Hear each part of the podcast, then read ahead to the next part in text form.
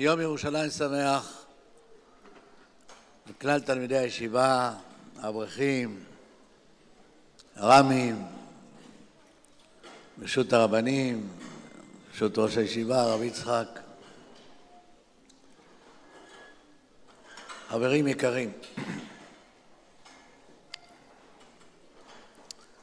מעשה ברבי יוחנן שעלה לשאול בשלומו של רבי חנינה זה רבי חנינה בר חמא, מצאו שהיה יושב ודורש בפסוק הזה בעת ההיא יקראו לירושלים כיסא השם. אמר לו רבי, וכי מחזק איתי ירושלים כיסא השם? אמר לו רבי חנינה, הקדוש ברוך הוא יאמר לה, האריכי, הרחיבי, קבלי אוכלוסייך, הדאו דכתיב, הרחיבי מקום ההולך, ויריעות משכנותייך יטו, אל תחסוכי, האריכי מטרייך, ויתדותייך חזקי. זה מדרש רבה בראשית. מה שואל רבי יוחנן? וכי מחזק את ירושלים כיסא השם? מה, מה השאלה הזאת? ומה עונה לו רבי חנינה? כן, היא תתרחב, היא תקבל אוכלוסין. איך זה, איך זה עונה על השאלה על איך זה מחזיק כיסא השם? אבל רבי יוחנן ישב לפני רבי חנינה והוא המשיך את אותו רעיון. יש פסוק בזכריה פרק ט', מסע דבר השם בארץ הדרך או חדרך, בדמשק מנוחתו. דבר השם בסוריה, בארם נהריים, ארץ חדרך, בדמשק מנוחתו, מנוחתו של מי? של הקדוש ברוך הוא, דמשק, שם מנוחה, שם, שם מקום המנוחה לשכינה. שואל רבי יוחנן, והלא אין מנוחתו אלא בבית המקדש, שנאמר, זאת מנוחתי עד עד. פה יושב כי הביתיה. אלא שעתידה את ירושלים להיות מתרחבת בכל צדדיה עד שהיא מגיעה לשערי דמשק וגלויות באות לנחות תחתיה. זה על הפסוק בשיר השירים, צופה פני דמשק. אז אומרת, רבי יוחנן שאל את רבי חנינה, וכי מחזק את ירושלים כיסא השם, כך אומר ירמיהו הנביא, אז יקראו לירושלים כיסא השם.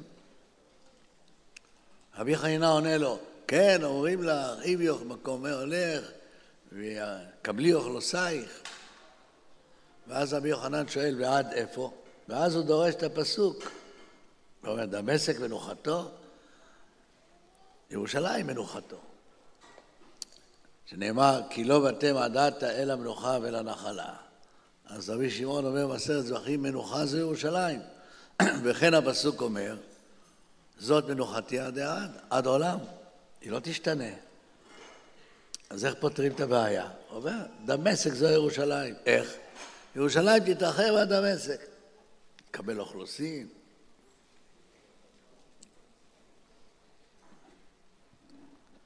ועוד פעם אני שואל,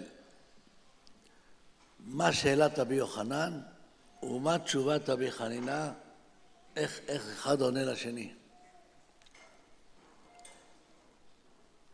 ואם נאמר שאלת רבי יוחנן, האם ירושלים יכולה להחזיק כיסא השם? רגע, אני לא מבין. בבית המקדש, מה הוא? לא מחזיק את כבוד השכינה? וארון הברית? ואין הקדוש ברוך הוא מתגלה בין הקרובים? אז כנראה שכאן זה שאלה אחרת. יקראו לירושלים כיסא השם, ירושלים עצמה תהפך להיות כיסא השם? האם זה יכול להיות? ומה התשובה? הוא אומר לו, כן, יכול להיות, יהיו הרבה אוכלוסין בירושלים. נו, אז זה הופך אותה לכיסא השם? אבל בשביל להבין את זה, אנחנו צריכים להסתכל עוד בספר ירמיהו. כתוב שם ככה: והיה כי תרבו ופריתם בארץ בימים ההמה, נאום השם, כמו היום. לא יאמרו עוד ארון ברית השם, לא יחפשו אותו. אני כל הזמן חולם שימצאו את ארון הברית, וירמיהו אומר, לא, אף אחד לא, לא, זה לא יעניין אותו. למה? ולא יעלה הלב, ולא יזכרו בו, ולא יפקודו, ולא יעשה עוד. איך זה יכול להיות? ארון הברית, שבתוכו הלוחות, שהקדוש ברוך הוא כותב עליהם את התורה, והלוחות מעשה אלוהים הם, והמכתב מכתב אלוהים, הוא חרוט על הלוחות. מה, כל זה, אף אחד לא אכפת לו מזה? זה לא יהיה רלוונטי? אומר רביהו, כן, זה לא יהיה רלוונטי. מדוע? כי בעת ההיא יקראו לירושלים כיסא השם.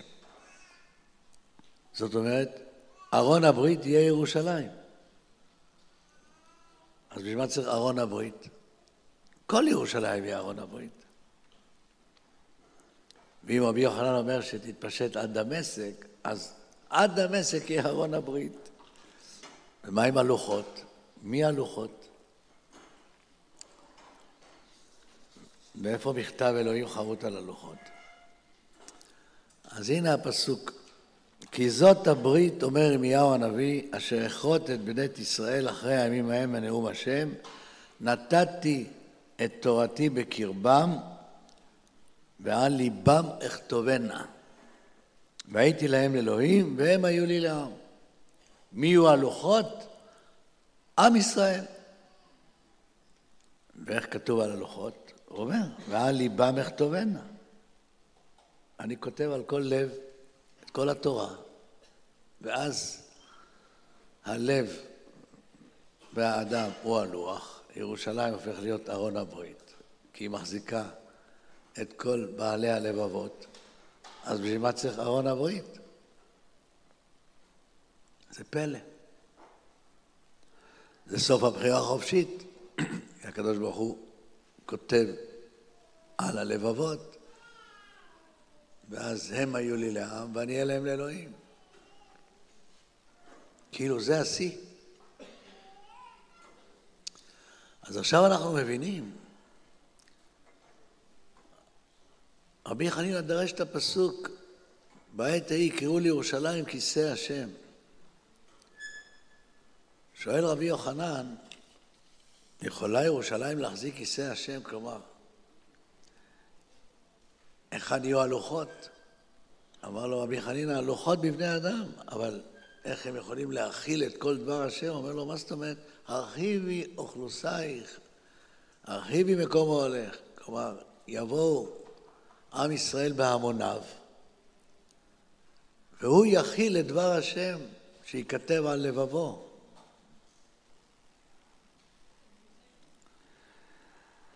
רבי יוחנן ממשיך לאור כל הדברים האלה בפעם השלישית. אז בפעם הראשונה הוא שמע מרבי חנינא את העניין הזה של אוכלוסין. אחר כך הוא דרש שירושלים תגיע עד דמשק, כי כתוב דמשק מנוחתו. ועכשיו רבי יוחנן מגיע אל השיא בפעם השלישית, כאשר רבי יצחק פוגש את רב נחמן. ואומר לו, כך אמר רבי יוחנן, מהי דכתיב בקרבך קדוש ולא אבוא בעיר? משום בקרבך קדוש לא אבוא בעיר? אלא כך אמר הקדוש ברוך הוא, לא ייכנס בירושלים של מעלה עד שלא ייכנסו ישראל בירושלים של מטה. ירושלים של מעלה? איפה, איפה ראינו את הביטוי הזה? לא ראינו. רב נחמן שעלה מבבל, שואל אותו ככה בתמימות, מה, יש ירושלים למעלה? אומר לו, מה זאת אומרת? איזה שאלה זאת? כתוב בתהילים, אתה קורא את הפסוק הזה כל פעם? ירושלים הבנויה, כי יש חוברה לה יחדיו. נו, איפה כתוב כאן ירושלים של מעלה? אומר רש"י דבר מוזר, כתוב יחדיו, משמע שני ירושלים, ביחד. ואם לא למעלה, היכן היא? זאת אומרת, אנחנו לא מוצאים פה עוד ירושלים, אז דוחפים אותה כלפי שמיים, אז היא נמצאת שמה. מה, יש באמת ציור של בית המקדש, של ירושלים למעלה, והקדוש ברוך הוא נכנס פעם מדי פעם ויוצא? מי האנשים שם? מי המלאכים שמגיעים? לא נשמע לכם ככה מוזר? אבל זה לא רק נשמע לכם מוזר, רב נחמן נשמע לא מוזר, אומר לו, וכי איכא ירושלים של מעלה. הוא מכיר גם את הפסוק. כל מי שמכיר את הפסוק לא לומד מכאן על ירושלים של מעלה, כי כתוב, ירושלים הבנויה כעיר שחוברה לה יחדיו. מי זה יחדיו? לא שני ירושלים, אלא ששם עלו שבטים, שבטי העדות לישראל להודות לשם השם. השבטים לא מספיק, אלא עוד, שם ישבו כיסאות למשפט, ולא מספיק כיסאות לבית דוד, זה יחדיו, עם ישראל, סנהדרין, מלכי בית דוד, כולם יחד. מה פתאום ירושלים של מעלה? גם מי שקורא את הפסוק הוא לא מבין איך זה מגיע. אבל רבי יוחנן, הרי הוא כבר ישב לפני רבי חנינא ושאל על כיסא השם. אומר לו רבי חנינא, כן, התרבו האוכלוסין. ואז מה? יגיע היום שבו אוכלוסי ירושלים יתקבצו יחדיו לתוך ירושלים, עם רב מאוד, ואז הוא יעלה מדרגה. זאת המדרגה שהשם יכתוב על ליבם את התורה ולא תהיה בחירה חופשית והם יהיו לעם השם. אז זו ירושלים של מעלה. כלומר, ירושלים בעליותיה, באמצעות האוכלוסין, באמצעות האוכלוסייה. אז יש קומה ראשונה, שזה ציבור ענק, כמו שאומר זכריה, גם כן, ישבו זקנים וזקנות ברחובות ירושלים, ואיש ושענתו בידו ברוב ימים, וילדים וילדות משחקים ברחובותיה. זה, זה האוכלוסייה של ירושלים. אנשים רגילים, עובדים, לומדים, מתפרנסים, משחקים, הולכים, באים. אבל יבוא היום בו יגיע המספר למספר כזה שכבר הקדוש ברוך הוא יכול להשרות שכינתו באופן שונה מאשר כל פעם. על ידי כתיבת התורה על ליבו של כל אחד, או במילים אחרות, לחרות בכל אדם את האמונה, מבלי שיש לו יכולת להתנגד, נגמר, זה הפוך להיות טבע. אין שאלות. ואז ירושלים תיקרא כיסא השם, ואז יבואו מכל העולם לראות את הפלא הזה. אז אם ירושלים תתרחב עד דמשק מפה, אז אין ספק שהיא תתרחב גם עד תל אביב מהצד השני, ועד הנגב מהצד השלישי. אין שום סיבה שזה יתפשט רק לצד אחד. במילים אחרות, כל ארץ ישראל תעלה לקדושת ירושלים. אתם קולטים מה פירוש הדבר הזה? שלא יהיו לוחות הברית, שלא יהיה ארון הברית, שעליו, אז על מי הזה הכהן הגדול ביום הכיפורים? אז כבר כאן אתם רואים שזה תהיה, זה משהו שונה לגמרי מכל מה שאנחנו חושבים. לפני ארבע מאות שנה, כותב הרמב"ן באיגרתו, מספר לבנו מה הוא מצא בירושלים, רבה עזובה, כל מקודש בחברו, חרב בחברו. אז אומר, היהודים שהיו כאן, חלקם ברחו וחלקם הגדול הושמדו על ידי הטטרים, כל מיני שבטים שפלשו לארץ ישראל, היו אכזרים והרגו ורצחו, והשאר ברחו מהם. אומר, לא נשאר יהודים בירושלים, כי אם שניים, שני צבעים. זהו. אז מה עושים בשבת? מביאים מכל מיני מקומות היו באים לשבת יחד כדי להתאסף מניין. אז שיהיה מניין בשבת לקרוא בספר, בספר תורה. כל ספרי התורה, מה שנשאר, הבריחו אותם. ואז לאט לאט הרמב"ן בנה את בית הכנסת החורבה בעיר העתיקה, וכך הוא כותב, שהשם עזר לנו. הוא אומר, כל אחד יכול לקחת פה איזה חורבה, לבנות אותה, לא עולה כסף. צריך לבנות. והביאו ספר תורה מחוץ לירושלים, מה שהבריחו מקודם. זה בשבת, אחר כך בימות החול חזרו להיות שני הצבעים, אלו הם מחזיקי ה... המחזיקים של ירושלים, 450 שנה. מהרמב"ן? 700 שנה. כן, נכון, זמן הרמב"ן, 700 שנה. וכמה היום יש בירושלים? יש קרוב ל-600 אלף יהודים. מה זה 600 אלף יהודים? זה כמניין יוצא מצרים. אבל מישהו קרר לי את האמבטיה. הוא אומר, יוצא מצרים זה יום מבין עשרים שנה ומעלה, ופה זה כולל גם תינוקות, אז עוד לא הגענו. אבל בדרך נגיע. אז כשיהיה כיוצא מצרים בירושלים, אז כבר אפשר יהיה להשרות שכינה ברמה הגבוהה של ירושלים של מעלה. וזה לא ירושלים כבר, הכל ארץ ישראל. הרי פרזות תשב ירושלים, אין חומות. אז מה מבדיל בין ירושלים לבין מקום אחר? רצף של בתים, אז יבנו בתים. ואז יהיה רצף כמו שפה, כל הזמן בונים. אז תשאלו את עצמכם, איך, איך זה יהיה? מה, פתאום כל העם יתחיל להאמין? יהיה כתוב לו על הלב? אז אני שואל, יש משהו שהתרחש שחזינו אותו מראש? כלום. איך חשבו כל הדורות יבוא המשיח? אני זוכר בדיחה מפורסמת שהרב ציודה שם מספר. אה, צחק קצת על החסידים. הוא אומר, יום אחד נפצת שמורה בעיירה בליטא שהגיע המשיח.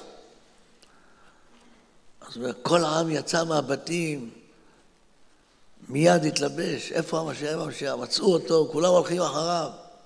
והעם הולך ורב. אבל החסידים, הם לא יכולים לבוא ככה לקראת המשיח, צריך קודם כל לעשות כוונות, אחר כך צריך לטבול במקווה, אחר כך צריך ללבש בגדי שבת, לשים אה, קפוטה ושטריימל וזה, המשיח. זה. ואז המשיח, עם כל העם שהולכים אחריו, כבר הלכו קילומטרים. פתאום המשיח שם לב שמרחוק יש קבוצה גדולה של אנשים ממרחק רצים, רצים. אז הוא שואל אותם, את כל מי שימצא לדבר, מי אלה מרחק? אומרים לו, זה החסידים, גם הם יהודים. אני לא אתייחס לבדיחה. אני אתייחס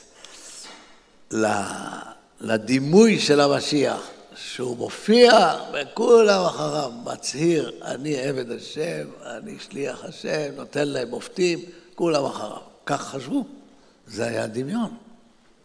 לכן קמו הרבה משיחי שקר שבעת ים הראו לנו, הם המיתו עלינו אסונות גדולים מאוד.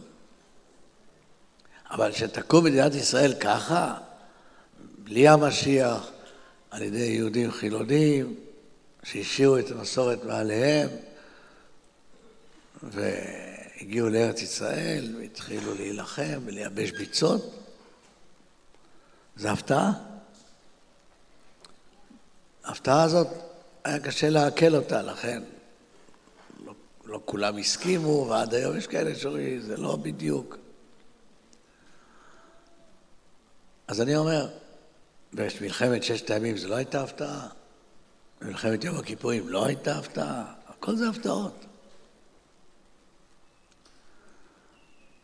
אז אתם שואלים, איך פתאום יקומו מאות אלפי אנשים ויגידו השם הוא האלוקים? זה פלא, נכון? אבל עכשיו הקדוש ברוך הוא זימן לנו הפגנות של 200-300 אלף, שכולם צועקים דברים משונים. אתה לא יודע מאיפה זה הגיע. כל הזמן היו שקטים. פתאום מאות אלפים צועקים כל מיני דברים מוזרים.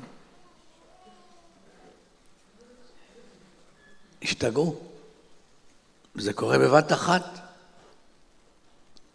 אז לא יכול להיות שיקומו פתאום מאות אלפים ויגידו השם הוא האלוקים? מה קרה? השם כתב, על, כתב להם על הלב כמה כתיבות, והתהפך כל העניין. אתם חושבים שזה יהיה קמעה קמעה? לא. זה בבת אחת. מה, אני יודע את העתיד? לא, זה כתוב, זה פסוק. ופתאום יבוא אליך לא האדון אשר אתם מבקשים, ומלאך הברית אשר אתם חפצים. זה היה פתאום. אבל צריכים לחכות עד שיש יותר מ-600 אלף בירושלים, אבל זה לא מספיק. כתוב, לא יבוא בך עוד ערל וטמא, ונקרא ירושלים עיר האמת. מה זה עיר האמת? לא יבוא בך עוד ערל וטמא.